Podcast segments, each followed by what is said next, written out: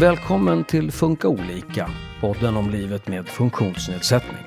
Dagens gäst är bloggaren Supermamsen. Hon har tre barn med neuropsykiatrisk funktionsnedsättning och som i långa perioder inte gått till skolan. Hur har hon hittat energi när det varit som tuffast? Och hur har hon nått acceptans för att livet kanske inte blev som hon tänkt sig? Mitt namn är Susanne Smedberg. Mitt emot mig sitter en som kallar sig Supermamsen. Hej och välkommen! Hej, tack så mycket! Du är förälder till tre barn som alla har neuropsykiatrisk funktionsnedsättning. En 21-årig son som har autism, en 18-årig son som har autism, selektivt ätande och ADHD och sen en dotter på 14 år som har ADHD. Ja. Du jobbar som fritidspedagog, bloggar och har gett ut en bok som heter Supermamsen om livet som pedagog och förälder till barn med särskilda behov. Och Supermamsen är också det du vill kallas för i det här programmet. Var kommer det namnet ifrån? Ja, det namnet kommer ifrån när jag började blogga 2015. Så behövde jag skriva av mig och då valde jag namnet Supermamsen. Och det var väldigt självironiskt, eller ironiskt, för jag kände mig just då som egentligen världens sämsta mamma.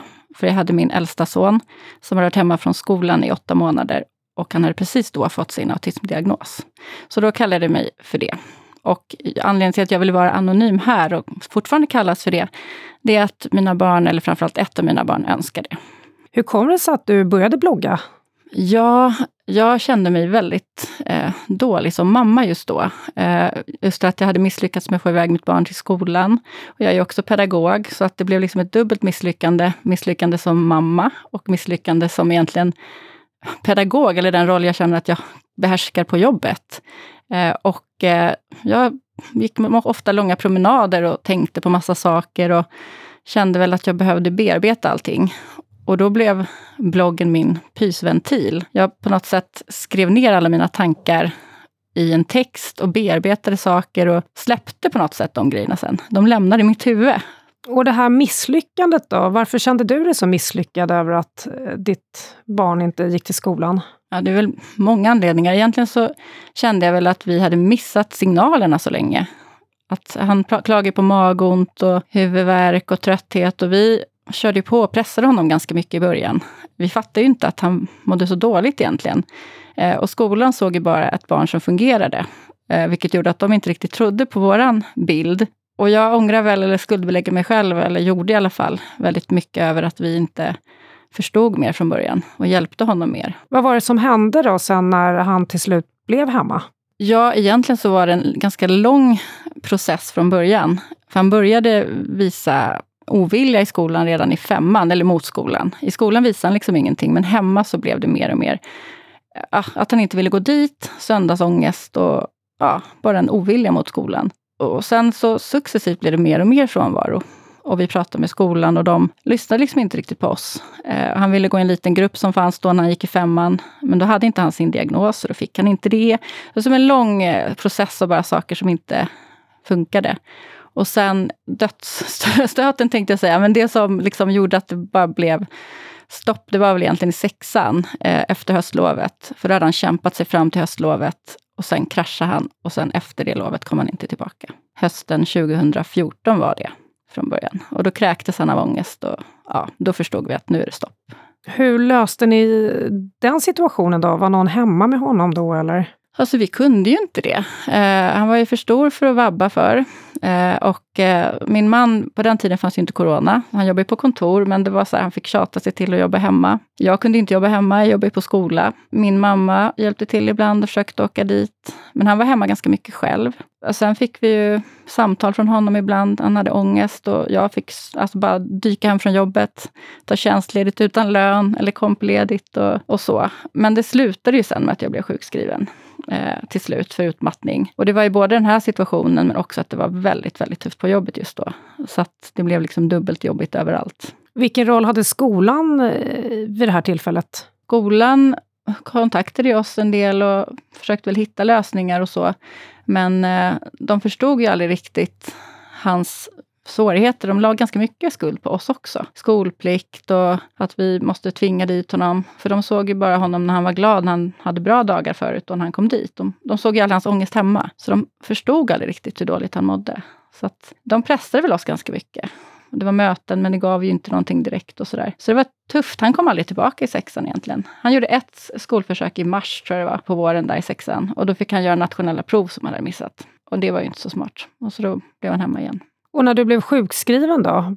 Vad hände där? Eh, men då försökte jag ju ta hand om honom. Eh, vi försökte gå promenader, jag lagade mat åt honom. Vi liksom, och sen hade jag ju varenda dag kände vi att vi skulle göra skolförsök. Det var ju inte så att jag bara, nu är du hemma och så vilar man i det. Eftersom skolplikten fanns så kände vi ett krav på oss att alltid försöka få iväg honom till skolan. Han fick ju inte bli sjukskriven han då, eftersom han är ett barn, utan det var så här, ja men varje dag skolförsök, skolförsök. Eh, så höll vi på egentligen väldigt länge. Sen så till slut så kände vi bara, nej, vi kan inte hålla på så här. Han fixar ju inte det liksom. Men det var en jättetuff tid faktiskt. Vad tänkte du om det då, när du kände att det inte är någon idé? Det var ganska skönt när vi kom till den punkten. Eh, men sen har vi också haft kontakt med socialtjänst för orosanmälningar och så vidare. Och men vi har mött bra folk där, för de har också förstått att felet har varit mycket skolan, inte just vi. Så att vi har fått liksom, ja men ni är resursstarka, samspelta föräldrar, det är inte ert fel. Och det var ju väldigt skönt. Eh, men däremot så har det ändå funnits press utifrån med skolplikten och så. För just att vi mötte förståelse från, från socialtjänsten ledde ju till att vi kunde också slappna av mer. För, vi, för ibland tänker man att ah, de kommer ta vårt barn, liksom. Mm. han går inte till skolan. Men det blev liksom att den känslan lättade. Och då kunde vi mer ta hand om honom och låta honom läka. Hur kändes det för dig under den här perioden att du också som pedagog plötsligt var i en situation där ditt ena barn vägrar gå till skolan? Det kändes ju jättekonstigt. Eh, för mig har ju skolan alltid varit viktig och självklar. När jag tänkte på att ha barn i framtiden så har ju skolan inte ens varit något jag har tänkt på som att det skulle kunna bli ett problem. Och så blev det nästan vårt största problem. Man tänker på mobbning eller om de ska friska eller ja, men massa saker, men inte skolgången. Så det var jättetufft när det blev så faktiskt. Eh, och som jag sa innan också, det här som just att jag är pedagog också, så blir det ännu värre på något sätt att ja, men gentemot kollegor och sådär, att man har ett barn som inte förmår gå till skolan. Ja, nej, men det har varit jättekonstig känsla, har det varit. Också det här ja, men förståelsen från andra har ju varit ganska så låg ofta. Att man bo, många säger så här, ja men du måste vara lite hårdare, du måste ta i med hårdhandskarna eller ja men han kör bara mer eller sådär. Men det var ju inte så. Så att, ja, det var tungt. Hur dealade du med det? Ja men någonstans så kom jag väl till det här att ja, dels inte lyssna på andra eh, och inte jämföra så mycket med andra, utan mer så här, ja men nu är det så här i vårt liv. Då får vi liksom ta tag i det som är någonstans och släppa alla andras åsikter och släppa vad jag hade tänkt mig om familjelivet och hitta någon annan väg. Så, och det har ju varit en jättelång process. Det är ju inte något som bara kommer, utan man får ju jobba jättemycket med sina tankar och med sig själv. Och, som jag har gjort, att skriva av mig väldigt mycket. Och den här sjukskrivningen då, hur kom du tillbaka från den? Jag, började, alltså jag kände nästan ett tag att jag och mina barn, eller jag har haft två barn med, nu pratar jag mest om äldsta barnet här nu då, men jag har haft två barn med problematisk skolfrånvaro. Men, men det var väl på något vis när barnen började må bättre, som jag kom igång och började må bättre. Nästan som att vi var i symbios. Jag kan inte må bättre än mina barn, nästan så. Eh, så att det blev väl ja, det tog tid att komma tillbaka. Jag var sjukskriven heltid ett år och sen deltid nästan ett år. Och jag jobbar fortfarande inte heltid. Jag har inte varit sjukskriven sedan 2017 eller något sånt, men jag jobbar ju fortfarande bara nu 90 procent. Och det är också för att finnas till hands på morgonen och stötta och så. Du är ju förälder som sagt till tre barn som har neuropsykiatrisk funktionsnedsättning. Hur skulle du beskriva din roll som förälder till barn som har den problematiken? Det kan ju vara lite av ett minfält ibland. För man vet aldrig riktigt vad man kan förvänta sig. Eller framförallt var det så förr, när de var mindre. Nu är de ju ganska stora. Och det är också just att alla tre har NPF-diagnoser, så kan man ju inte säga till den ena ha större förståelse för den andra. Jag tänker, har man ett syskon så kanske man, som inte har diagnos, så kanske man kan säga, ja men tänk nu på att det barnet har lite jobbigt med det och det. Men nu har ju alla sina utmaningar, så att det har varit lite svårt just med den biten. Och sen är de ganska olika också, så de krockar ju en del.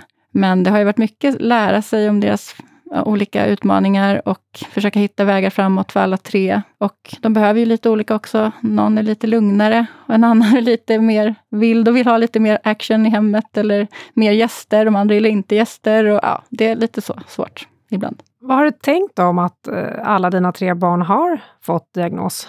Ja, först tänkte jag, vad sjutton kommer det ifrån? vad har vi gjort? Vilken blandning vi blev. Eh, men eh, ja, det var jättejobbigt i början. Eh, det var en ganska stor sorg först, för jag tänkte ganska mycket på hur kämpigt de kanske kommer få det jämfört med andra barn då som inte har diagnoser. Men eh, det har också blivit väldigt lärorikt. För ja, dels att jag kan använda det mycket på jobbet, det jag lär mig, både som alltså, pedagog, men jag tänker just erfarenheten som förälder kan jag använda väldigt mycket när jag har kontakt med föräldrar på jobbet. På vilket sätt eh, har, har du själv och ditt liv påverkats av att du är förälder till barn med NPF-diagnos? Jag tycker själv i alla fall att jag har blivit mer förstående mot olika människor och deras sätt att vara på. Mer ödmjuk kanske inför olika sätt att fungera. Jag tror jag ibland kanske innan var lite dömande mot vissa eh, och det tycker jag inte är längre på samma sätt. Sen har jag också fått jobba mycket med mig själv med men hur jag bemöter barnen i olika sammanhang eller lågaffektivt bemötande till exempel. Hur man måste försöka träna på att behålla lugnet själv för att hjälpa upp en situation och så. Så jag har nog påverkats ganska mycket som person, tror jag. Självrannsakat mig själv. Eh, mycket så här, hur är jag? Och, ja, man letar ju efter drag hos sig själv när det gäller diagnoserna också. Och det är ju en fråga man ofta får också om jag och min man har diagnoser. Eh, och vi har ju inte det någon av oss, men vi har väl drag av diagnoser båda två. Och jag känner igen mig ganska mycket i ADHD till exempel. Men jag har ju fått eh, hela livet att fungera, så att det skulle inte vara aktuellt med någon utredning. Men just sådana där saker har jag funderat mycket på. Har det varit eh, svårt att eh, hantera att det inte finns något svar på varför de har diagnoser? Är det något du har grubblat över? Nej, faktiskt inte alls. Det är väl mer så här, det blev som det blev, tänkte jag säga. Jag har nog mer grubblat över varför vi var så sena att förstå det just det här med äldsta barnet då, att han var faktiskt 13 när han fick sin diagnos. Och vi anade väl lite så här redan förskola, skola. Men eh, Ja, nej, men jag frågade till exempel min mamma som är förskollärare och hon sa nej, nej, nej. Det funkar så bra på landet med oss. Eller frågade någon pedagog där på skolan och sa nej, nej, han kommer mogna. Och, ja, och min man han sa du ser bara diagnoser överallt för du är pedagog. Så att, då lade jag bort de där tankarna. För att han var väldigt hyper och väldigt bestämd när han var liten och så. Och ja, det är väl någonting som jag kan grubbla på. Varför gjorde jag inte något tidigare? Liksom. Men inte så, varför har de diagnoser? Så har jag inte tänkt. Du sa att eh, du själv har förändrats nu och sättet du ser på andra människor. Hur tycker du att omgivningen ser på föräldrar och barn med funktionsnedsättning? Och det är en väldigt bra fråga. Jag tror att många tror att de förstår. Till exempel också pedagoger, för jag trodde att jag förstod mycket mer själv än vad jag gjorde innan jag fick de här barnen. Jag tror att många också kan vara lite dömande för att man har inte inblick och insyn hur det faktiskt är. Det kan ju vara lätt att säga, ja, men laga en maträtt så får barnen äta den. Och visst, det kanske man testar det ett tag, men om barnen då blir så hungriga så att de mår illa eller får total kaos för att de inte får i sig någon mat, så då lagar man ju till slut den där andra maten. Och det gäller ju egentligen det mesta. Om, om barnen mår bra av en viss sak, då gör man det. Men jag tänker, det är inte samma sak som att curla som många säger. Eller och det beror på vad man lägger i ordet curla. För curla, då ska man ju sopa när det behövs. Och jag tänker att det är väl det vi gör då. Vi sopar när vi behöver, men vi sopar inte när vi inte behöver. Eh, och vi behöver sopa mer än många andra föräldrar. Och det där tror jag många tycker är fel av oss. Men då förstår de ju inte vidden av våra barns utmaningar. Du nämnde ju det här med eh, ofrivillig skolfrånvaro. Är det några andra sådana situationer med ja, ett eller flera av dina barn som har varit liksom, lite extra tuffa att hantera? Ja, men det som har varit tufft överhuvudtaget tycker jag är att man ofta hamnar i moment 22 när man söker hjälp. Och det gäller egentligen det mesta. Äldsta sonen då, vi ville ju ha psykolog till honom för att han skulle få strategier att ta sig hemifrån. För att det var det som är svårt när man är hemma sitter, han fick låsningar och så ja men då så skulle han ju ta sig till en psykolog och få hjälp med metoder att ta sig hemifrån. Och han tog ju sig inte till en psykolog. Han kunde inte ta sig utanför huset. Och då säger de, men vi gör inte hembesök. Nähä, men till slut så fick vi två hembesök och sen skulle han lyckas ta sig ur hemmet. Men han gjorde ju inte det. Så då fick han ju aldrig hjälpen. Och det är sådana grejer man hamnar i hela tiden på olika sätt tycker jag. Och sen också mycket att man blir bollad mellan olika instanser. Så här, det är inte vårt ansvar. Nej, men då ska du söka hjälp där. Ja, men då måste det skickas en remiss hit eller en remiss dit. Det tycker jag är det jobbigaste överlag faktiskt. Hur har ni anpassat eh, er till era barn hemma som gör att det har blivit lättare för er och barnen? Vi har nog varit mycket mer eh, accepterande när det gäller vad våra barn behöver. I början så försökte jag leva upp till någon form av föräldraskapsmall. Alltså så här, så här ska det vara, man ska sitta och äta familjemiddag, vi ska åka dit på helgen och hela Hela familjen ska åka med och alla måste äta den maten. Alltså massa sådana saker. Men eh, när vi väl släppte på de sakerna så blev ju det livet mycket lättare. Så egentligen har vi anpassat väldigt mycket efter våra barn. Så här, vi lagar flera rätter när det behövs. Vi låter barnen sitta och äta på olika ställen för att de mår bäst där. Så att vi har gjort väldigt många sådana saker. Och sen förbereder vi barnen mer när vi ska iväg eller vi försöker inte vara spontana längre. För den fällan var vi ofta förr. Har du haft hjälp av eh, din roll som eh, pedagog i ditt föräldraskap? Ja, ganska mycket tycker jag. Eh, dels för att jag alltid haft ett intresse för eh, ja, funktionsnedsättning. Eller, så jag, har ju, ja, jag hade ju läst en hel del innan också. Även om den här insikten som förälder själv ger ju en helt annan dimension på det hela. Men eh, det har absolut varit en fördel. Och sen också, tycker jag, gentemot skolan. När man har dialog med skolan och så, så kan man veta mer vad jag kan kräva till exempel, eller ge förslag på saker som kanske kan funka för mina barn. Men det har också varit lite dubbelt där, eftersom jag vet själv hur jobbigt det är att räcka till som pedagog, så kan det ibland vara svårt att ställa krav, för man vet att då kanske de inte orkar. Eller, alltså, jag vet, jag är ju den, i den sitsen själv ibland, att föräldrar kommer och ber om saker och man känner, ah, hur ska jag hinna det här? För jag har redan det här och det här och det här. Eh, men eh, sen är man ju förälder och man vill sitt barns bästa, så att då säger man ju de där sakerna i alla fall. Men eh, jag tror att jag har ganska stor fördel just av att vara pedagog. Eh, också behålla lugnet, tror jag. För jag kan ibland hoppa in i min pedagogrroll hemma min man kan höra det på min röst ibland. Åh nej, nu blir hon pedagogen. Så här.